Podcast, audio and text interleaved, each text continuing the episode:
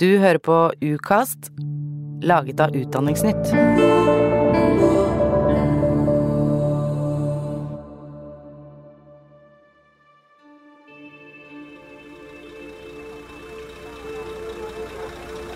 Det var jo ikke akkurat sånn, sånn at folk kom springende så ville om bord busser til Norge.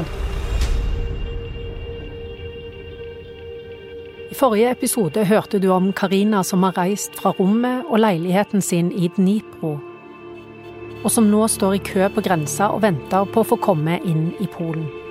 So we just, I, I don't know, like I packed everything that I got in my hands, and so just we left our house really fast. We didn't have time. Og så hørte du om Jan Helge som har dratt til Polen for å hjelpe folk som har flykta fra krigen i Ukraina. Det er bare ett problem. Det er ingen som vil bli med Jan Helge tilbake til Norge. Du hører Da flyktningene kom til Ålgård, laget av Utdanningsnytt i samarbeid med Lyda Produksjoner. Jeg heter Sonja Holtermann. Episode to Ingen vil til Norge.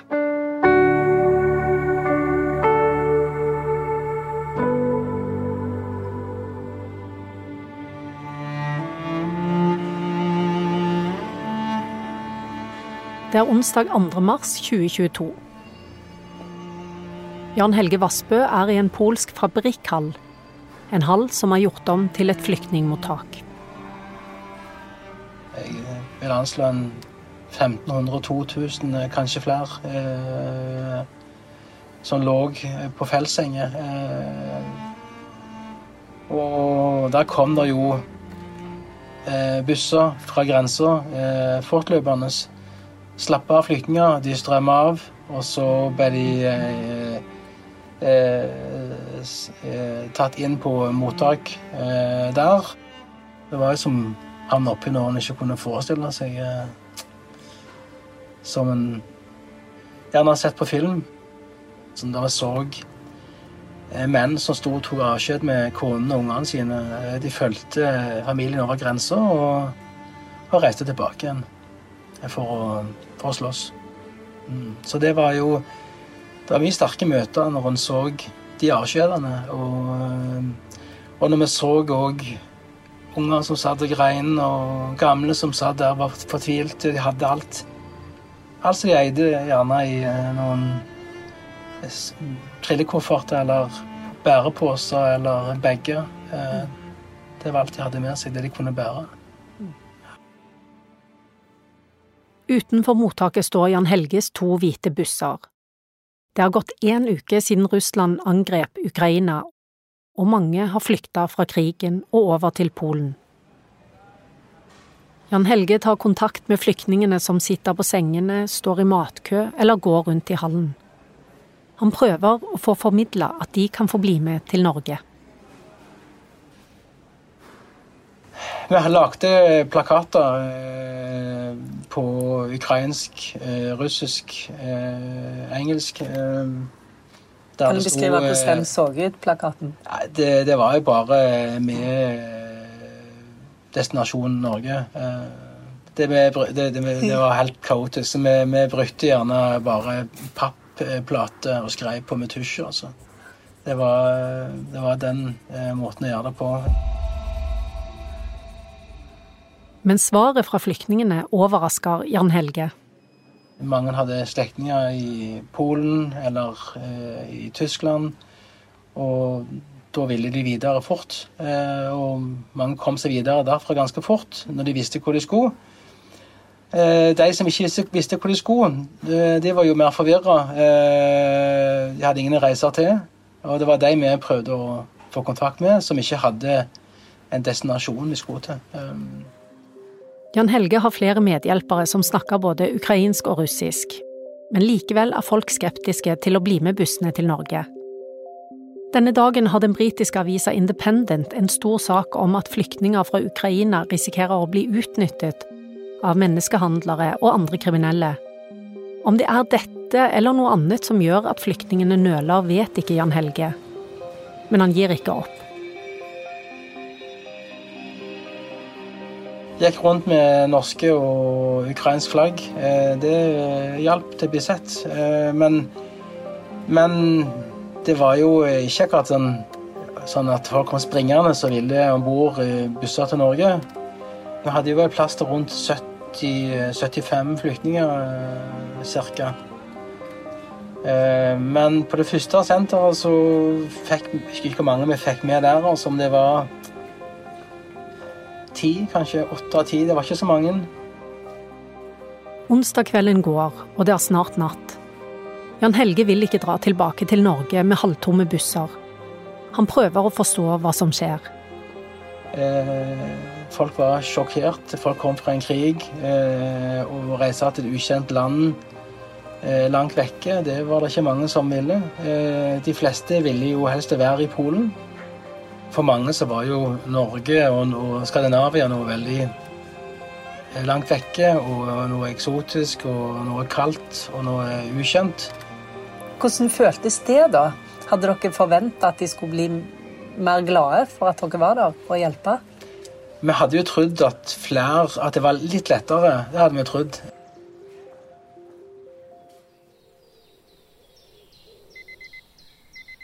Det er torsdag morgen, og Jan Helge har stått tidlig opp. De må få tak i 60 flyktninger, og det er fort. Om ett døgn kjører bussene til Norge, uansett hvor få ukrainske flyktninger de har om bord. Eh, vi hadde jo en frist for å komme tilbake med bussene, som var innleid, to busser.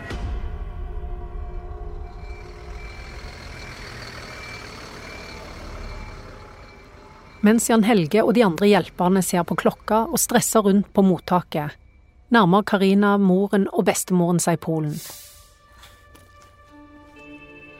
De har tatt buss fra Lviv, og nå må de ta med seg sekkene og koffertene og komme seg ut av Ukraina. Uh, we walked by our feet. Uh, so we just uh, stood and waited to cross the, for four hours. Og så skjer det noe som blir viktig for denne historien. På et av mottakene har Jan Helge blitt kjent med en journalist i et polsk TV-selskap. Journalisten har lagt fra seg mikrofonen og tatt av seg pressevesten. Jeg ble kjent med han, og han hørte hvor vi skulle, og så for han rundt og, og gjorde eh, en kjempejobb med å fortelle flyktninger om hvor Norge var, og de, her burde de bare reise. Så eh, hvor mange han klarte å få om bord i, bussene, kan jeg ikke huske. Men eh, jeg kan tenke meg det var nok var en, en 15-20 han eh, dro inn eh, med sitt engasjement. Men det er ikke bare den polske journalisten som hjelper til. Også ukrainerne, som allerede har bestemt seg for å sitte på, går rundt og snakker fint om Norge så var det jo flere flyktninger som òg skjønte det at skulle vi få fylle bussene tidsnok, så måtte de òg hjelpe til. Så det var jo flere flyktninger som etter hvert var med ut eh, i gata utenfor eh, akuttmottaket der og inne på eh, mottaket og fortalte andre flyktninger om at hvor Norge var og, og hvor vi skulle hen. og Torsdag 3. mars i kveldinga. Karina, moren og bestemoren har vært på tur i over ett døgn. And then we just um, we were in Poland already, and we just um, sat in a bus and came to like a building where we slept for a few hours. De tre har fått senga på mottaket, og nå har de lagt en slags plan for de neste ukene. Um, when we were leaving Ukraine, we thought that we're gonna stay in Poland, but then we just met some girl. Det er bare noen timer til de norske bussene må kjøre. Og nå er det siste innsats for å få fylt opp setene. And my grandmother spoke with her, and we just decided to go to Norway because it's gonna be better for us because in Poland there are already a lot of Ukrainians, too much, so we decided to leave Poland too. And yeah, then in the morning we sent on set on the next bus to Norway.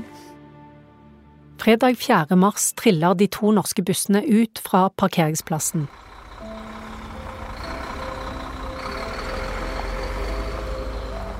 Ja, vi klarte å følge opp. Eh, det nærmer seg vel 70. Eh, Folk sto på eh, til langt utpå morgenkvisten hele natten. Å hente flyktninger privat er noe annet enn når staten organiserer flyktningtransport.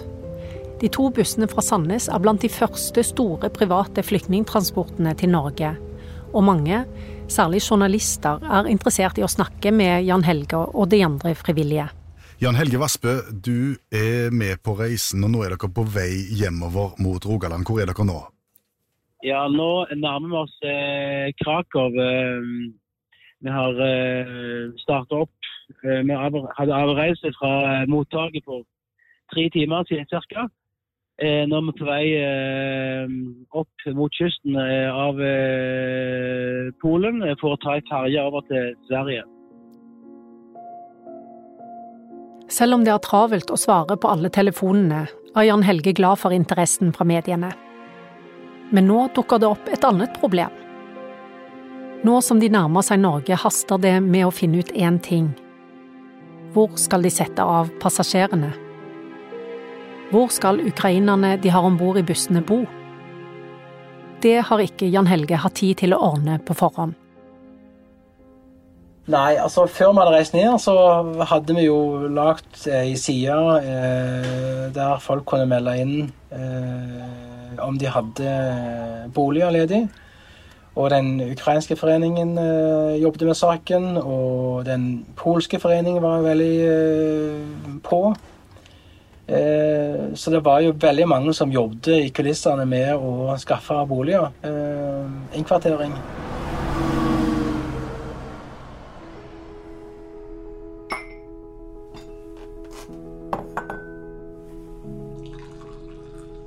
Min livsstil altså Jeg har jo et eget firma og jobber med folk som er 24-7. Det er alltid folk hjemme hos oss. Det er alltid et eller annet som skjer.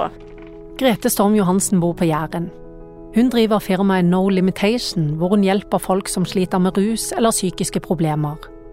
Og nå har Grete lest om den private flyktningaksjonen til Jan Helge. Grete leter fram mobilnummeret til Jan Helge Vassbø og ringer. Så hadde jeg hatt kontakt med, med Grete. Eh som eh, hadde kontakta meg etter jeg hadde lest om eh, de hvite bussene som skulle gå ned fra eh, Sandnes. Eh, og hun hadde tatt kontakt, kontakt med meg og hadde mulighet for å innkvartere eh, en familie eller to kanskje hos seg. Og det var jo veldig positivt. Lørdag ettermiddag går mot kveld. Jan Helge vet at de ikke har klart å skaffe husrom til alle flyktningene som sitter bak ham i bussen. Og det forteller han til Grete. Og nå gjør hun noe som skal endre alt. Hun skriver en tekstmelding til Bjørn.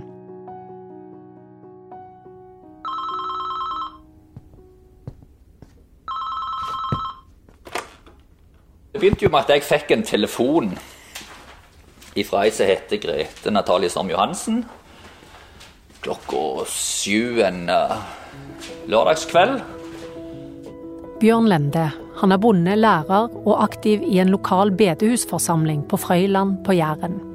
Ja, Egentlig var vel jeg ute i fjoset og holdt på, så hun hadde jo egentlig bare skrevet en melding. Jeg, jeg tok telefonen med en gang, så hun bare skrev en melding til meg. Så jeg ringte henne opp igjen. og sikkert klokka blitt nærmere åtte da. Eh, så hun hadde skrevet en melding til meg om at jeg kunne hjelpe og huse noen flyktninger. Grunnen til at Grete prøver å få tak i Bjørn, er fordi han er leder for et forsamlingshus i nærheten av der de bor. Kanskje kunne noen av flyktningene bo der? Så sier jeg at når jeg ringte opp igjen, da, så sier jeg ja, men vi har jo et hotell på Ålgård som er tomt, omtrent tomt, sier jeg. Så det er jo mye bedre, for der er det bedre plass, og det er skikkelig senger og alt sånt. Så det må jo være en mye bedre løsning. Men jeg må undersøke litt. Det viser seg at den travle bonden også er styreleder for et hotell på Ålgård, Gjesdal Gjestgiveri. Hotellet har vært leid ut, men Bjørn tror leietakerne har flytta. Det må han sjekke nå.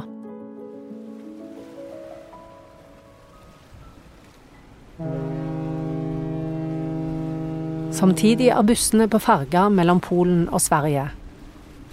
Mens de krysser vinterkalde Østersjøen, gjør Jan Helge opp status.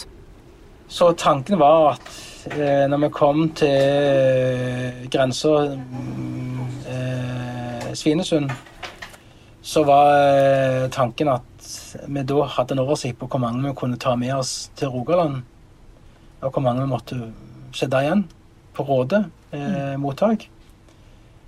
Eh, så det var liksom backup-planen. At de vi ikke fikk eh, plass til eh, på forhånd, de ville vi sette av i Rådet.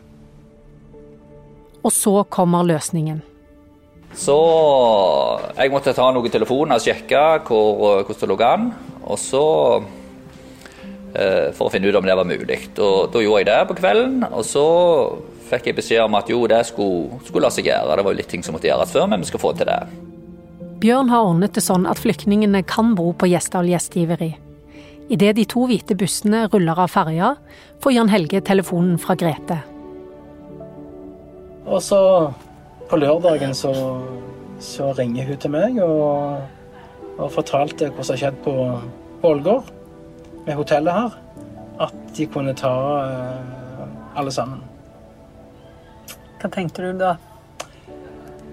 Eh, nei, det var jo et fantastisk øyeblikk å vite at vi kunne ta med alle sammen og ikke splitte de opp. Og ja, det var veldig bra.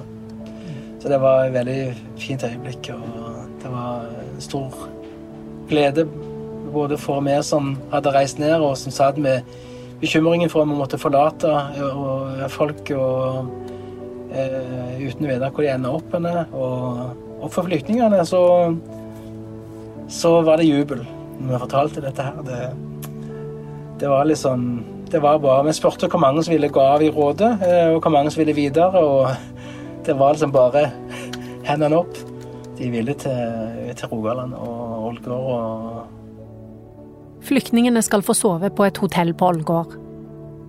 Jobben for Jan Helge er snart slutt. Men for Grete og Bjørn har den ikke begynt. De har aldri drevet et flyktningmottak før, og om ett døgn får de ansvaret for nærmere 70 ukrainere. De vet ikke hvor lenge de skal bli, eller hvordan de skal få råd til mat og strøm. Det var mat som skulle på plass, det var eh, sengetøy, det var eh, Vi måtte lage liste for at alle skulle registrere seg. Men Grete og Bjørn sitt største problem akkurat nå er å få et nedstengt hotell klart på ett døgn. Det skal du få høre om i neste episode av Da flyktningene kom til Ålgård. En historie fra Ukast laget av Utdanningsnytt i samarbeid med Lyder Produksjoner. Klipp Hans Tore Malum. Musikk Christian Norum. Ansvarlig redaktør Kaja Meilbo. Arkiv er hentet fra NRK. Jeg heter Sonja Holtermann.